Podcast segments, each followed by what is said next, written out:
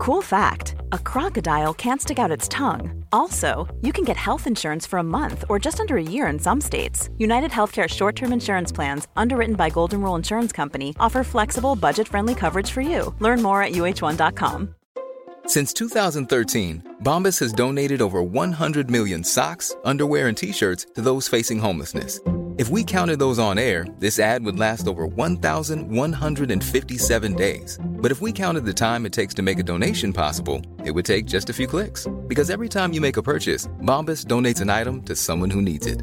Go to bombas.com slash ACAST and use code ACAST for 20% off your first purchase. That's bombas.com slash ACAST, code ACAST. Hej och välkomna till Lillelördag speciale calzone. Visst, alla quattro stagioni smakar gift vid första ögonkastet. Si, Si, si. si. Eh, ett nytt avsnitt, en ny vecka och vi hänger med. Jag tycker det är osexigt. Framkallade en känsla i mig av lite oro eh, och lite avsmak också. Då är det med stor glädje jag härmed förklarar er man och hustru. Gratulerar!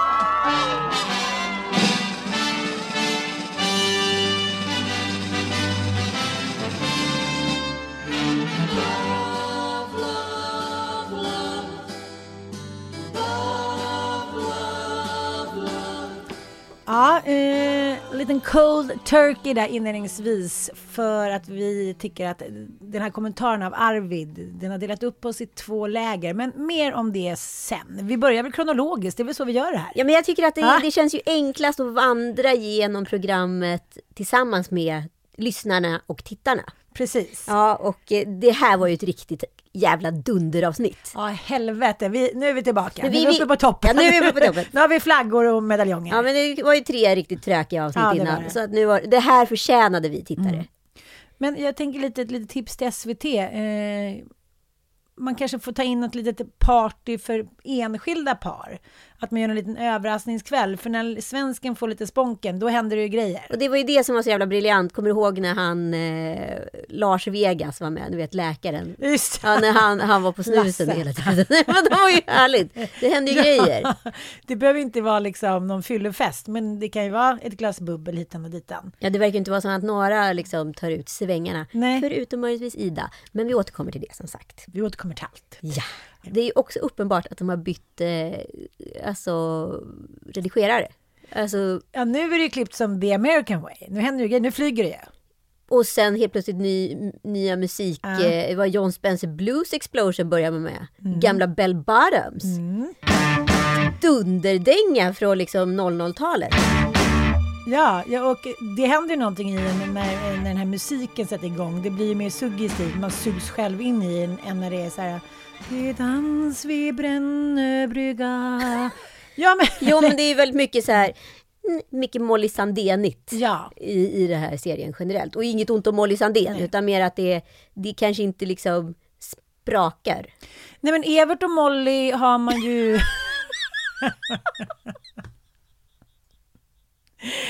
nej men var sak har sin tid. Ja, men allting blir ju mellow Ja, när man liksom ja. slänger in Evert och Molly hela tiden. Och det har vi pratat Evert och Molly podden. Det är vår nya podd. Ska ringa Evert. Nej, men det vet man ju själv. Det har vi ju pratat om. Vi separation, vi att vara nykär. Eh, var musik har ju sin tid, men musiken är ju väldigt viktig när nya sken, skeenden i livet, vare sig de liksom är valda av en själv eller inte, så är ju musiken helt plötsligt helt obarmhärtigt viktig. Från en dag till en annan. Man kanske inte har liksom lyssnat på Evert på typ 42 år. Och sen ska man liksom pappa kom hem. Mm. Det måste, känslorna måste adresseras och liksom gå in och gå ut, gå in och gå ut. Så att, mycket bra. Men det är som du säger, det- är en helt annan klass på den här klippen också. Ja, gud ja. Mm. Ja, de har förstått själva att så här, det, det, det, måste, det måste på lite extra krut här. I Griffens tid. I Griffens tid. Mm. Men det är det jag säger, de använder den där extra veckan Ja. för att Aha, din konspirationsteori. Jordan B. Peterson, aka Anita. 12 livsregler. Ja, nej, jag tror också att de, eh, det var krismöte där. Det var, det var, kris, 100 det var krismöte på ön. 100 procent krismöte på ön. Slutade med vod- vodka shots och en ny klippare.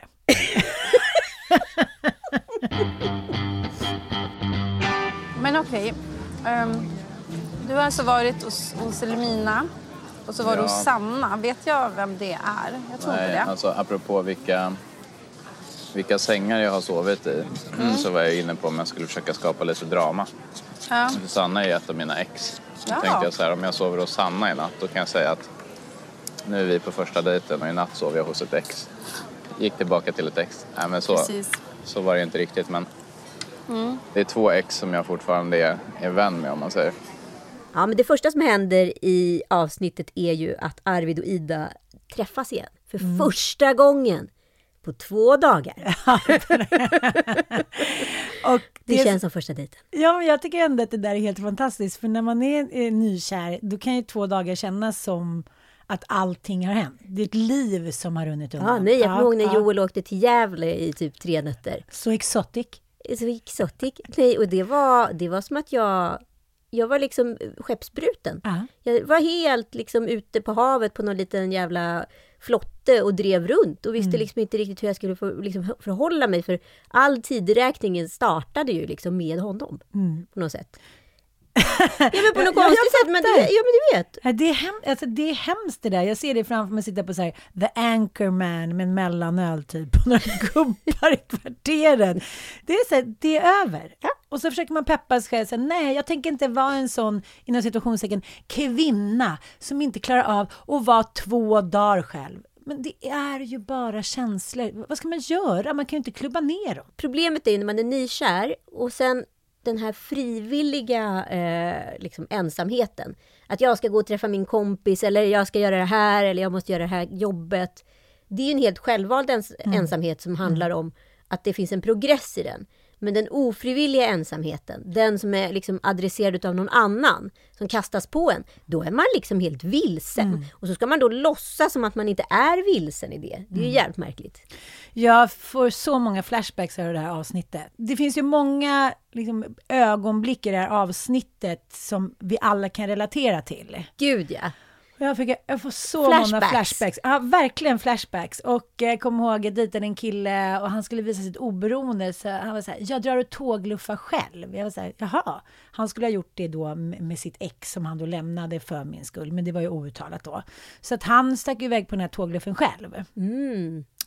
Ah, jag kommer ihåg han sa, jag vet precis var jag stod vid busshållplatsen på Klippgatan och så sa han citybåten sa han. Sen gick det förhållandet helvete. Det satt du. Och sen den dagen har hon aldrig suttit igen. Det har hon inte. Hon ror ståendes på Sveavägen. Eh, och han var iväg och det här var ju innan man höll på allt för mycket med liksom mobiltelefoner. Jag kommer ihåg att mina kompisar hade skramlat ihop till en mobiltelefon till mig. Jag var så här, använd den här nu så vi kan få tag på dig. Eh, men han ringde väl kanske två gånger då på de här två veckorna. Och en gång... Kostade ju också 18 000 Ja. varje samtal. En gång satte mina kompisar, du, att man minns sånt här så, så tydligt, på kreperiet på Götgatan, Tre Knop. Jag vet. På hörnet där, där gallerian ligger nu. Det var jag, Matte Mel, Johan Jonasson, eh, Frida. Liksom, jag, jag minns det så tydligt. Och så ringer han Mm. på den här... Alla fick hjälpa till att ta upp telefonen. för det var. Så stor. Och sen den där känslan när det är så här, hej det är jag. Hur allting, alltså det var som att sitta i en båt och vara sjösjuk på havet. Och sen så är plötsligt så liksom började delfiner hoppa, solens liksom eh, sken, det bara glittrade hela havet och en bläckfisk skrattade och sjöng. och jag var så här, jag kommer ihåg känslan av, jag blev så befriad av, han är där, han mår bra, vi är game, han kommer snart. Ja. Och jag tycker att det där inte är åldersbetingat överhuvudtaget. Nej, nej, nej. Den känslan kan inträffa sig eh, exakt överallt. Ja, och även när man är på väg ur en relation då, att man kanske får lite uppmärksamhet av någon, då är man tillbaka på havet. Det glittrar och det knattrar och solen skiner och bläckfiskarna dansar. Eh, det är lustigt att vi är så freudianskt lättstyrda. 100 procent. Det är Men fint också. för att lägga lite sordin på stämningen Det ska du ju alltid göra. Det ska jag alltid göra. Det är jag som är lilla Lina.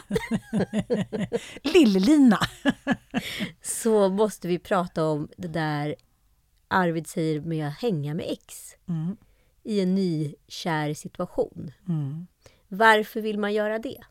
Jag tycker Jag jag, känner inte. lite min greydar går på. inte gaydar, men greydar. It's a grey zone. Där, där fick jag också en flashback, så tänkte jag så här, vilka av mina ex umgås med sina ex?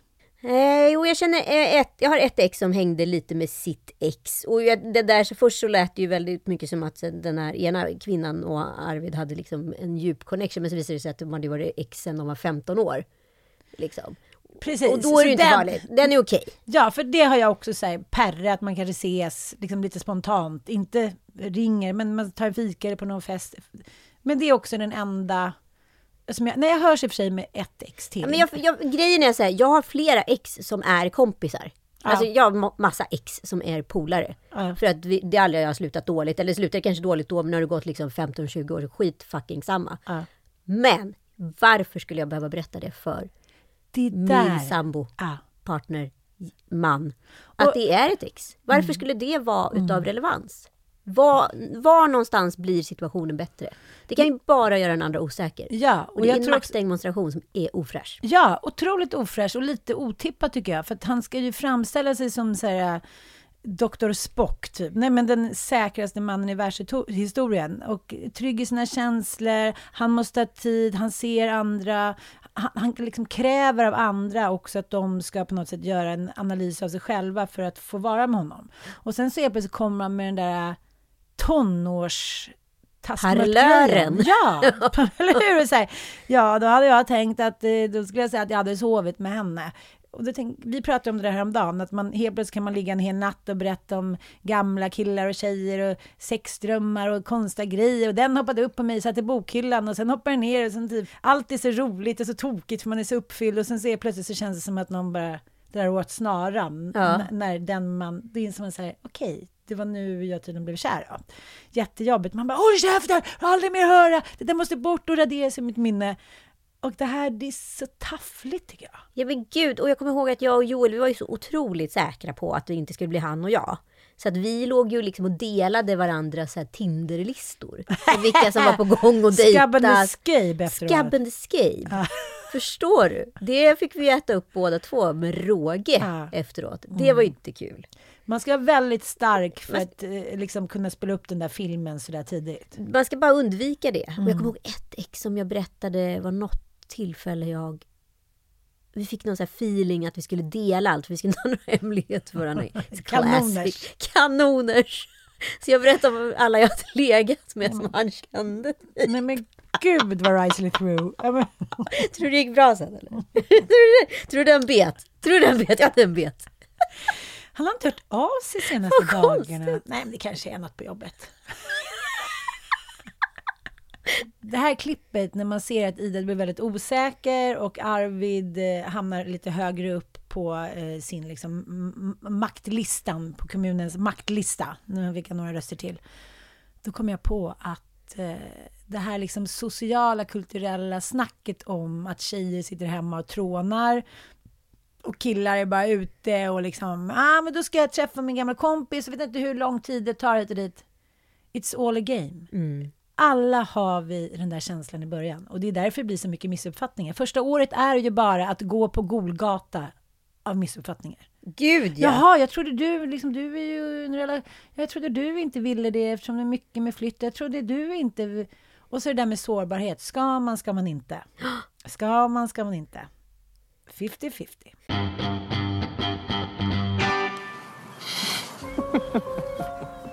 Men jag vill ju ha spänningen också till en början speciellt. Jag upplever det ju lite för bekvämt nu. Att vi har hamnat i någon så här gift i 20 år stadie. ja, vi har redan kommit dit. Och där du mer har intellektuellt sett kommit fram till ett beslut. Mm, där du säger, det här är bra. Då spikar vi det. Jag vill ju bli bekväm, men inte just nu. Nej. Just nu vill jag ha det här pirret och magin och så. Nej, men, Nej. Okej, okej, Nej, men- nej, nej, nej. Förutsättningarna Lina, förutsättningarna för att känna pirr och magi och sexuell lusta. Du har stängt den dörren, du har sparkat igen dörren, du har klistrat igen, du har spikat, du har bränt upp skiten! Alltså jag måste andas så tungt när hon är med alltså. Varför fattar hon ingenting? Varför fattar Varför är hon en sån bitterkaka? Och han då, som är liksom bara, han, för honom är det redan signed, sealed and delivered. Han är nöjd, uttrycker han i den här scenen lite senare.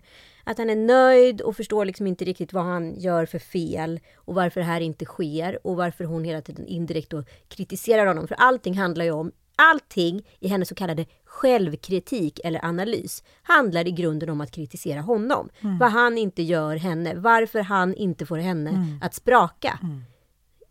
Hon är ju liksom död på insidan och ändå får en massa EKG. Men liksom det, är, Mm, det, det är liksom ett problem här som är mycket större än... Mm. Hon är ju så vilsen i sig själv och sin, sitt core. Och det liksom gaslightar hon hela tiden på någon annan. Fast det är egentligen hon som behöver fixas. Det är hon som behöver. Det måste jag ändå ge Karro. Hon har åtminstone förstått att det är hon som är trasig. Ja. Men Lina har inte riktigt Nej. förstått det. Eller så har hon förstått det utan att kunna sätta ord på det för sig själv och analysera det. Ibland när man är på väg någonstans så vill man ju så gärna hålla fast vid det gamla för det är läskigt och, och liksom öppna en ny dörr till någonting som okänt som man kanske inte har känt eller vågat ta klivet in i tidigare. Det är som att man, jag kan känna igen mig själv när jag, in, liksom, när jag är lite kär. Eh, Då ska jag börja kolla på liksom, utseendekritik eller klädkritik. Ja, det, det var en konstig... Det var ett konstigt ögonbryn. Alltså, det, är liksom, det är helt odefinierat, men jag måste hitta någonting och göra den andra personen sämre på. Eftersom det, jag inser att det kanske var bättre än vad förutsättningarna först eh, ingav. Och jag tror att det är det som händer med henne nu. Att hon känner sig att det här är kanske bättre än vad jag trodde. Jag håller på att falla. Och då måste hon hela tiden projicera de ångestkänslorna. Ja, men i slutändan blir det ju bara sådär att det kommer bara skada relationen och honom. Och sen kan hon då ändå vara så här, analysera. Hon går då ändå ut som en vinnare i det här, vad, vilket utfall det än blir. Ja. För om hon har då, liksom, vad ska jag kalla det för, projicerat sönder honom och det inte blir någonting, då kommer hon ändå kunna säga så här, nej, han var inget bra för mig, för han, han var en sån som, alltså han tog aldrig några initiativ och han ville ingenting och han drev ingenting. Men så, hur ska man kunna våga driva någonting när liksom fallhöjden är så enormt hög för allt? Förlåt, jag förstår inte. Och vad vill man uppnå med det här? Och det är väl snarare där självkritiken borde ligga. Borde ligga så här. Varför håller jag på så här? Vad fan håller jag på med? Om man aldrig ställer sig den frågan, hur ska man då kunna bli lycklig? Och eh, den här hela eviga eh, tillbakahållandet av att så här, okej jag är i stunden nu, jag har ställt upp det här tv-programmet, nu får jag bara så här, släppa fritt lite. Kanske bjuda på ett litet skratt, en liten kyss, en liten tokig kommentar. Hon pratar tiden om att hon vill vara trygg. Ursäkta Och mig. hon vill att det ska spraka. Ja, don't shoot the messenger. Men, men han är ju, Alex är ju en av de tryggaste män jag har sett på tv. Jag kan inte träffa mig tryggare. Nej, och skulle du bara ge honom chansen och inte klaga på hans klumpfotfilt, då skulle det spraka. Liksom sätta liksom, käpprätta liksom, hinder för sig själv. Det är det många kvinnor gör idag. Och jag tror att det är för att man är Lite som någon sa, så här, ja, men, ja, kvinnor som har ADHD, de är mer kåta. Eh, Män som, alltså, alla, man sätter in alla i ett fack som man inte kan kontrollera. Och jag känner att det är samma sak här, att vi har intellektualiserat för mycket när vi ska gå in i våra relationer för livet. Så att det är så här, det går inte längre. Det är därför man kanske ska träffa någon lite tidigare i livet, när man är mer spontan och fri. Det är svårt för de här kvinnorna. De Ja, är liksom de redan är- klara. Ja, de har ju formats redan. Ja, det är av lite, sig själva. Ja, men det är lite som, jag kommer ihåg, liksom det var men så här, änklingar när de skulle börja träffa nya kvinnor. Och då var de redan så stöpta i formen utav gobben. Så Mm. de hade levt med kvinnan. Så var man tvungen att hitta en exakt lika identisk kvinna till frugan. För att det här skulle bli av. Förstår du? Så, Ja. så jävla hemskt. Ja. Men de, och, och de här kvinnorna har blivit liksom änkor. Mm. Alltså singelänkor. Gud vilket bra ord. Ja. Eh, fast de bara har varit utan män. Ja. De har stöpts och formats och liksom, och jag kan se det på vissa av mina kompisar som har varit liksom ihop med någon, men sen eh, tog det slut och så har det varit slut kanske i 10-12 år och så barnen har hunnit växa upp och det har inte kommit in någon annan man där. Nej. Att de också så här, deras liksom låda, den är så liten att kunna kliva in i. Det finns inga, finns inga liksom riktiga dörrar där, utan du kanske får pill, lirka dig in lite med lillfingret och är det inte säkert att det heller funkar liksom. De är inte redo. Inte. Men, men det här är ju gamla tidens kvinnorna på Glasberget. Ja. De som fick liksom med lite god vilja då av släkten fick de bo kvar hemma hela livet, annars hamnar de på fattighuset. De fick hjälpa till med småsyskon och, och med barn och grisar och kossor. Men de hade redan konstaterat att så här, faster Märta, det kommer inte bli någon balle där. Exakt så. Ja. Farbror Anders, det kommer aldrig komma någon kvinna till honom. Han får vara liksom som den femte familjemedlemmen. Precis. Tarmen, blindtarmen. Eventuellt gå ut i strid eller bli eh, präst. Det fanns ju de tre alternativen. Ja. Men det finns fler alternativ för våra par, för nu är det nämligen parhelg.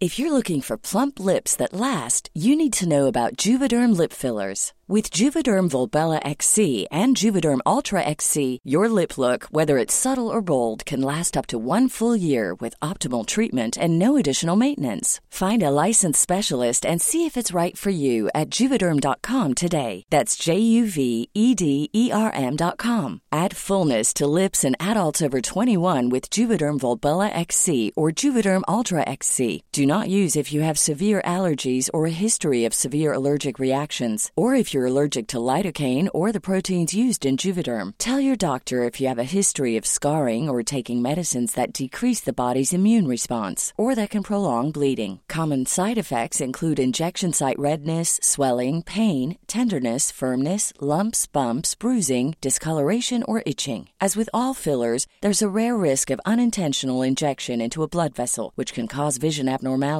blindness, stroke, temporary scabs, or scarring. For full important safety information, visit juvederm.com. There's never been a faster or easier way to start your weight loss journey than with PlushCare. PlushCare accepts most insurance plans and gives you online access to board-certified physicians who can prescribe FDA-approved weight loss medications like Wigovi and Zepbound for those who qualify. Take charge of your health and speak with a board-certified physician about a weight loss plan that's right for you. Get started today at plushcare.com slash weight loss. That's plushcare.com slash weight loss. plushcare.com slash weight loss. Tror du att de är på gång här nu? Jag Nu tror det. bil. Det känns som det. Wow! De där var inte yngre om det är dem. Det var ju snarare ett äldre par i så fall. Halloj! Hej! Hallå! Äntligen! Äntligen! Hej! Ida! Lina. Såg du här att hela Arvids ansiktsuttryck eh, också strålade upp till någonting som man inte hade sett tidigare? Det här var ett nytt ansiktsuttryck. Det här var för nya människor. Det var liksom, liksom, det fulade till sig lite, det öppnade upp sig lite. Ja. Det var något annat. Ja, jag håller med dig. Jag Ja. håller med dig. Men här tycker jag ju att han är en härlig man måste jag säga. Han kan bjucka lite på sig själv. Ja, det är klart att man hade velat ha den här båten. Han är väldigt avslappnad i de här sociala sammanhang där han får leda. Jag skulle säga att han är väldigt militärisk, eh, typisk kapten. Ja, fast with a good twist. Ja, men jag dejtade en kapten en gång i tiden. De påminner extremt mycket om varandra. Jaha, Mm. Kapten Klänning. Fy fan vad gummigt det slutade. Förlåt. Nej, att det finns det här inkluderande. Han ser alla. Eh, han backar alla. För det hör du ju sen i samtalen hur han liksom peppar alla. Samtidigt så har han ändå kommandot att driva narrativet. Ja.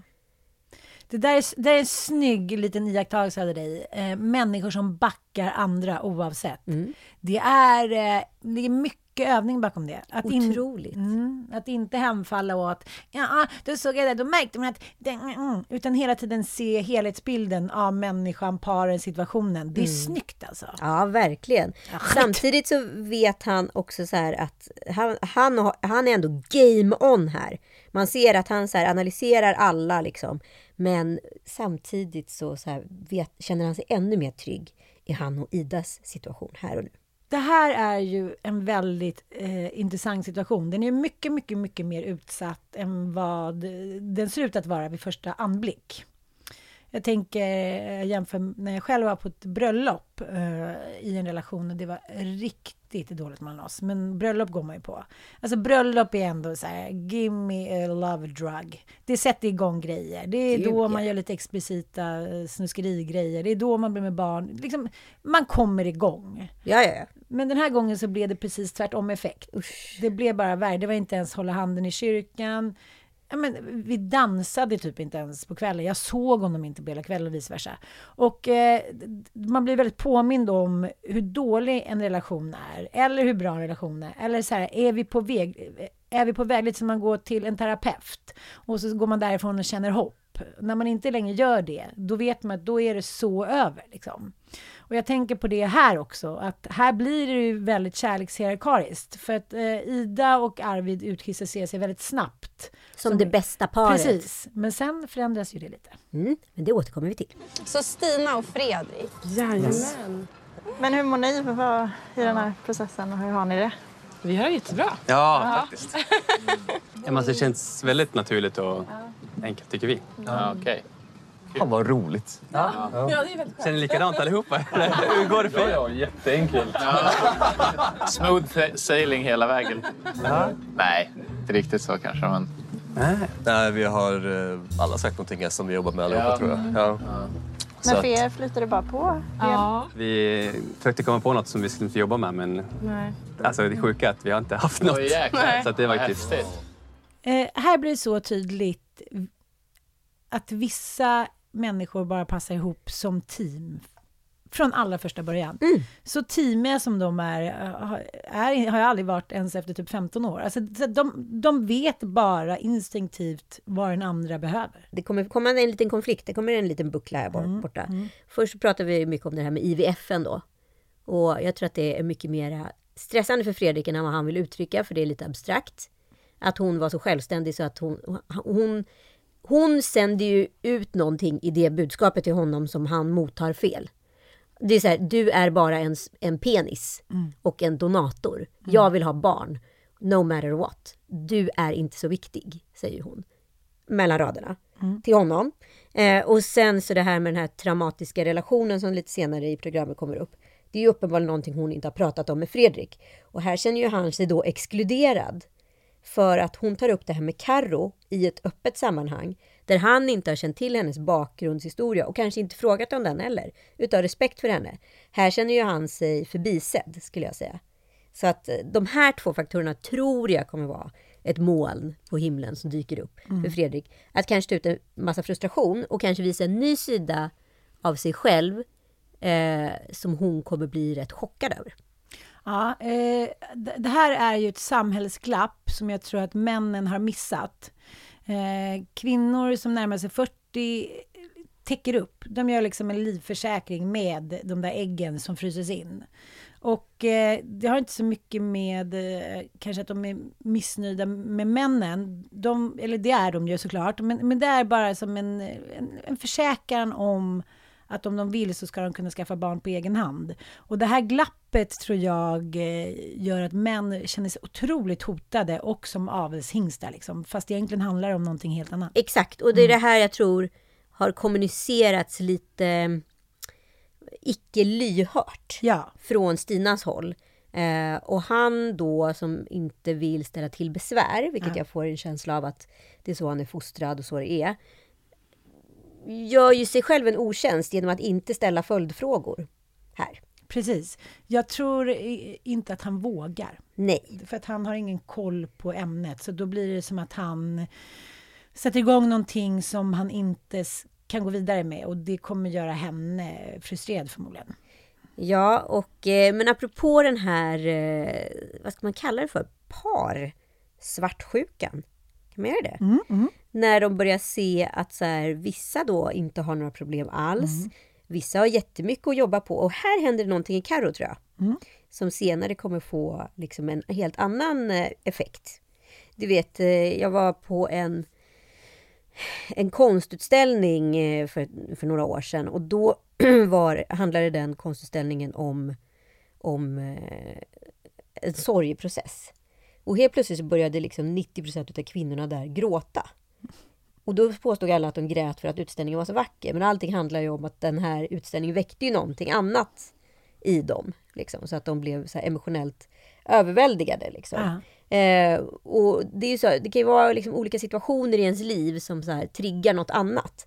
Fast då får själva scenariot liksom rama in det. Men Mm. det är någonting som händer här. Mm. Och det kommer vi se alldeles strax för vad som händer i Karo och August stuga.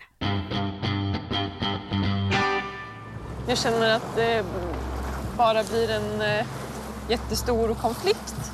Eh, när det känns som att vi istället skulle kunna prata om det och försöka komma fram till en lösning. Jag tyckte mest att det var tråkigt, men jag vet inte om det tog hårt på henne. Det verkade som att hon slöt sig ännu mer. Så blir det återigen att jag känner mig som en morsa till ett tjurigt jävla barn. Jag hade säkert kunnat agera lite annorlunda. Men jag blev lite matt av, situationen. Att, att det inte är okej att göra någonting. Allting är bara farligt och mot reglerna. Den här scenen gör mig beklämd. Är det så? Dels för att jag eh, har fått ännu en flashback. Jag var på Mallorca eh, med eh, ett av mina ex. Han var äldre, tio år äldre. Vi var där med två gemensamma kompisar. Och vi var på en eh, bar, den finns fortfarande där. Det är lite som en operabar. Eh, Det är massa, man, man är utomhus och det är en massa fåglar och de spelar liksom Pavarotti och drinkarna är helt otroliga. Jag var väl, eh, hur gammal var jag då? 23 kanske, han var väl 33.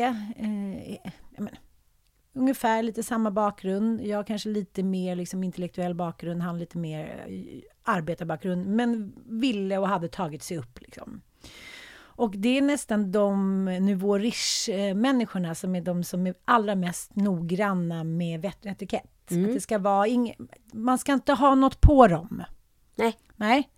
Utan har man själv satt någon grundregel, då måste man följa den till 100 procent. För annars så kan någon sticka in handen och liksom göra en sårbar. Mm. Jag tycker det är väldigt, väldigt tydligt. Och då eh, hade vi tagit en varsin riktigt sprakande gin och tonic, nästan i en sån här balja, du vet. Eh, och eh, det var ett par citroner där i. Och jag tyckte inte att den var tillräckligt citronig, så jag tog väl och... Tryckte? Du tog upp en då med fingrarna Precis. och tryckte. Mm. Det fick du inte göra. Nej, det fick jag absolut inte göra. Konventionen. Ja, och just det här, den känslan som jag slungas tillbaka till, att man liksom är kusinen från landet, man är inte värt något. Man är liksom nästan prostituted. Man är, man är någonting som katten har släpat in. Ja, men hon går ju tillbaka till sitt, eh, det där, för det är det här jag tror som händer på båten. När de börjar jämföra så ser jag att de inte alls, de håller inte varandra, de håller inte på liksom, de är inte nära varandra. Det Nej. finns ingen kemi. Och det här stressar ju Karo och hon, jag tror i grunden att hon lägger det på sig själv. Ja. Men inte har där och då förmågan att uttrycka det. För det som händer är att hon går in i sin mammaroll där. Som Mm. hon, är, hon inte ska komma in i. Som psykologerna också varit lite på med henne. Nej, du får inte spika, du får inte spika, du får inte spika. Och till sist blir det så dålig stämning så att så här, hon har sabbat det. Och August går ut och känner väl liksom exakt samma hopplöshet som man gör med henne hela tiden. Att hon försöker hela tiden väckas från sina, sin roll men inte kan ta sig vidare. Och Karo får då någon form av psykbryt, går ner till vattnet, börjar tokgrina och badar. Liksom. ja. Jag ska renas!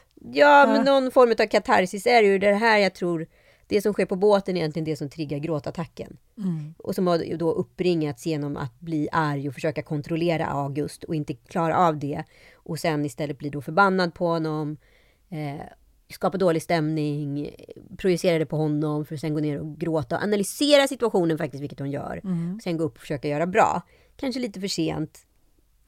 Men när jag ser den här relationen, då ser jag ett par som i sorg, som har gjort allting, som är i slutet av en längre relation. Ja, verkligen. Precis Det, det, är liksom, det är verkligen Benjamin Button, typ. Det är precis tvärtom. Och, eh, Men att de fortfarande efter så här, två veckor håller på att analysera varför de har blivit matchade. Ja. Det är inget bra. Nej, det är inte. Så jag tänker så här, om jag vore dem skulle jag nog komma överens om att vi gör klart det här experimentet som kompisar. Mm.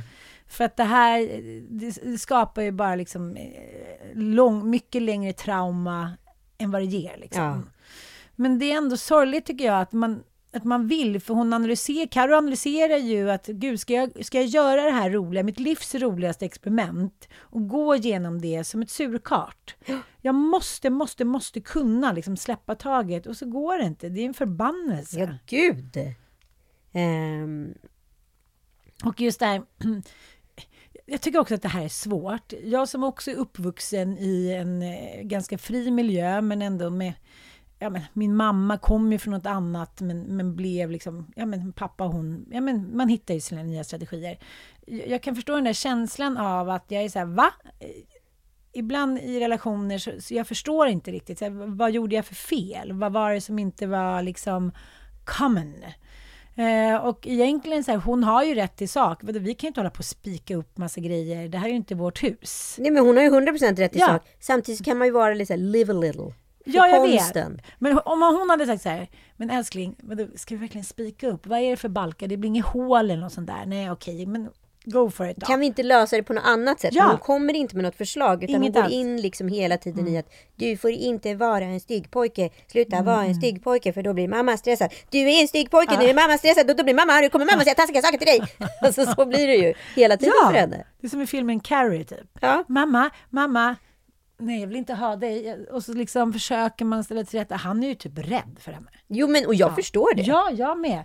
Och det, det, liksom att bli tillrättasagd eller liksom få åtutning av en auktoritär person, en chef, eh, liksom en förälder. Så här, på något sätt så kan man, you can En live with kompis. it. Ja, eller en kompis. Man är så här, okej, jag sänker garden lite även om det gör ont. Jag räknar till tio och sen så, ja, du kanske hade rätt. Eller jag måste tycka att hen har rätt för att det är mitt levebröd, eller vad det nu handlar om.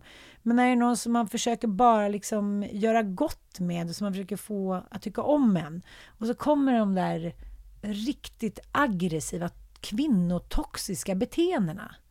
Inte okej. Nej, och eh, jag tycker det är ganska intressant rent kultur, kulturellt så handlar det så himla mycket om den toxiska manligheten. Och, jaha, okej, men den tos, toxiska kvinnligheten Den har vi ju sett massa exempel utbredd. på i Ja, den här programserien. Och den, den verkar ju vara liksom fullt blommande men ingen som kan kritisera det. Nej, vi kan inte prata om den för då faller liksom alla de grundstenarna som vi har byggt samhället på. Eh, där kan vi inte prata om kvinnor som eh, är alkoholister, eller vi kan inte prata om kvinnor som slår män. Det, det, liksom, det är för jobbigt att ta in, utan då bara visslar vi och går vidare. Mm. Så att jag tror att vi, vi närmar oss varandra i det för att vi kan. Förstår du? Ja. Eh, Och sen så tycker jag måste bara ta ett typexempel. Nu hoppar jag lite här för vi kommer behöva backa sen igen. det är då när, ja, det är då vad heter det, när. Lina kommer tillbaka till stugan. Och det här är då eh, eh, Arvids svar. Såg du? Gillar lite. När han då liksom också låtsas om som att eh, det inte varit ett problem för honom. Han gick och la sig och vilade lite istället Mm. bara. Han gick ner i svart bara och låtsades att nu var det nap time. Nu kör jag Göran Persson. lite. 15 minuter mitt på dagen. Nej, men han är ju såklart liksom, han hamnar väl i freeze. Han är tvungen att liksom återfå sina krafter. Jag, jag, jag tror att om det har varit svårt innan för Sveriges Television att få kvinnor att söka till det här programmet så är det begravningsstämning nu. Castingen och liemannen sitter där nu och drar en bärs. Eh, nej, eh, det är svårt. Det är svårt. Och eh, som sagt, man ska inte vara med i det här programmet och det har... Man ska inte vara med i programmet om man inte är färdig med sig själv och analyserat själv. Man ska inte tro att man ska söka till det här programmet om man ska tro att man blir räddad eller kan rädda någon. För ingen kan rädda sig, man måste Nej. vara färdig med sig själv. Men till och med när man ska vara liksom med i ett lekprogram får man ju prata med psykolog, läkare. Mm. De gör en liksom liten analys. Är du tillräckligt liksom psykiskt stark? Hur ser ditt liv ut? Hur har det varit? Sjukdomar, bla bla. Eh, det känns som att med, med Carro så har de liksom bara känt så här, skit i det där nu. Det är perfekt, det är henna, färgat hår, eh, han har nog bajs liksom ute där i bajsdass. Det blir perfekt match. Fast jag, vet du, jag kan provocera mig någonting otroligt mycket på svensk television generellt. Eh, vilket jag inte ser speciellt mycket utav i andra länders produktioner. I Sverige så producerar vi TV för Stockholmspubliken. Mm. Och Stockholmspubliken analyserar Karo som att hon är en new ageare. Men Carro är från Kumla i Örebro. Och Kumla och Örebro är ett starkt hårdrocksfäste, vilket hon kommer från en rockerkultur. Under tiden Arvid då, som är från Järna, är new age. Det här är två sådana extrema ytterligheter, både liksom inställningsmässigt, falangmässigt, eh, genremässigt, attitydmässigt etc. Så att eh, det kan inte, man kan inte hitta två personer som är mer olika varandra. Men för ett par castare som antingen är för unga eller kommer från Stockholm så är liksom ingen skillnad på new age och rocker. För hon har ju rött hår och en piercing i näsan. Sånt har ju new age-are. Tack. Men, ja, men hade man liksom analyserat lite så, mm. men hon är ju en rockerbrud. Det kommer ju inte gå. Liksom. Och sätta ihop henne med en sån här mespropp, förlåt, som han är. Mm. Det, det kommer bara gå åt helvete. Men jag tänker Lina och Alex också. Vem hade kunnat locka fram typ vildvittran i henne? Det är ju ett omöjligt uppdrag. Ja, men det är ju ett omöjligt uppdrag och därför undrar jag så här, varför... Pay him more, pay him more. Varför man liksom ens har med den typen av karaktär i den här programserien. Ja, men det måste ju bero på att urvalet är för snävt. Det finns inte så mycket annat. Nej, hundra procent. Eh, men det finns ju några som tävlar om titeln bästa par i alla fall. Kära lyssnare, nu är det så att vi har en liten eh, specialpodd som heter Gift vid första ögonkastet special. Och den ligger bakom en liten vägg som kostar 49 kronor. Så att ni lyssnare får möjlighet att ta del av den här. Det är bara att ni går upp i er poddspelare, oavsett vilken ni har. Högst upp där står det lite information om programmet och där finns det en länk till Acast Plus. Och då väljer man den som kostar 49 kronor. Och där får man helt enkelt ta del av hela avsnittet. Superenkelt! Som är helt fantastiskt varje gång. Ja, alltså ja. du får väldigt många roliga DMs och mm. analyser. Ja, men som sagt, ni som är med i Lilla Lördagklubben kommer få ta del av den och också en fullständig intervju med våran veckas gäst Ida Östensson. Precis.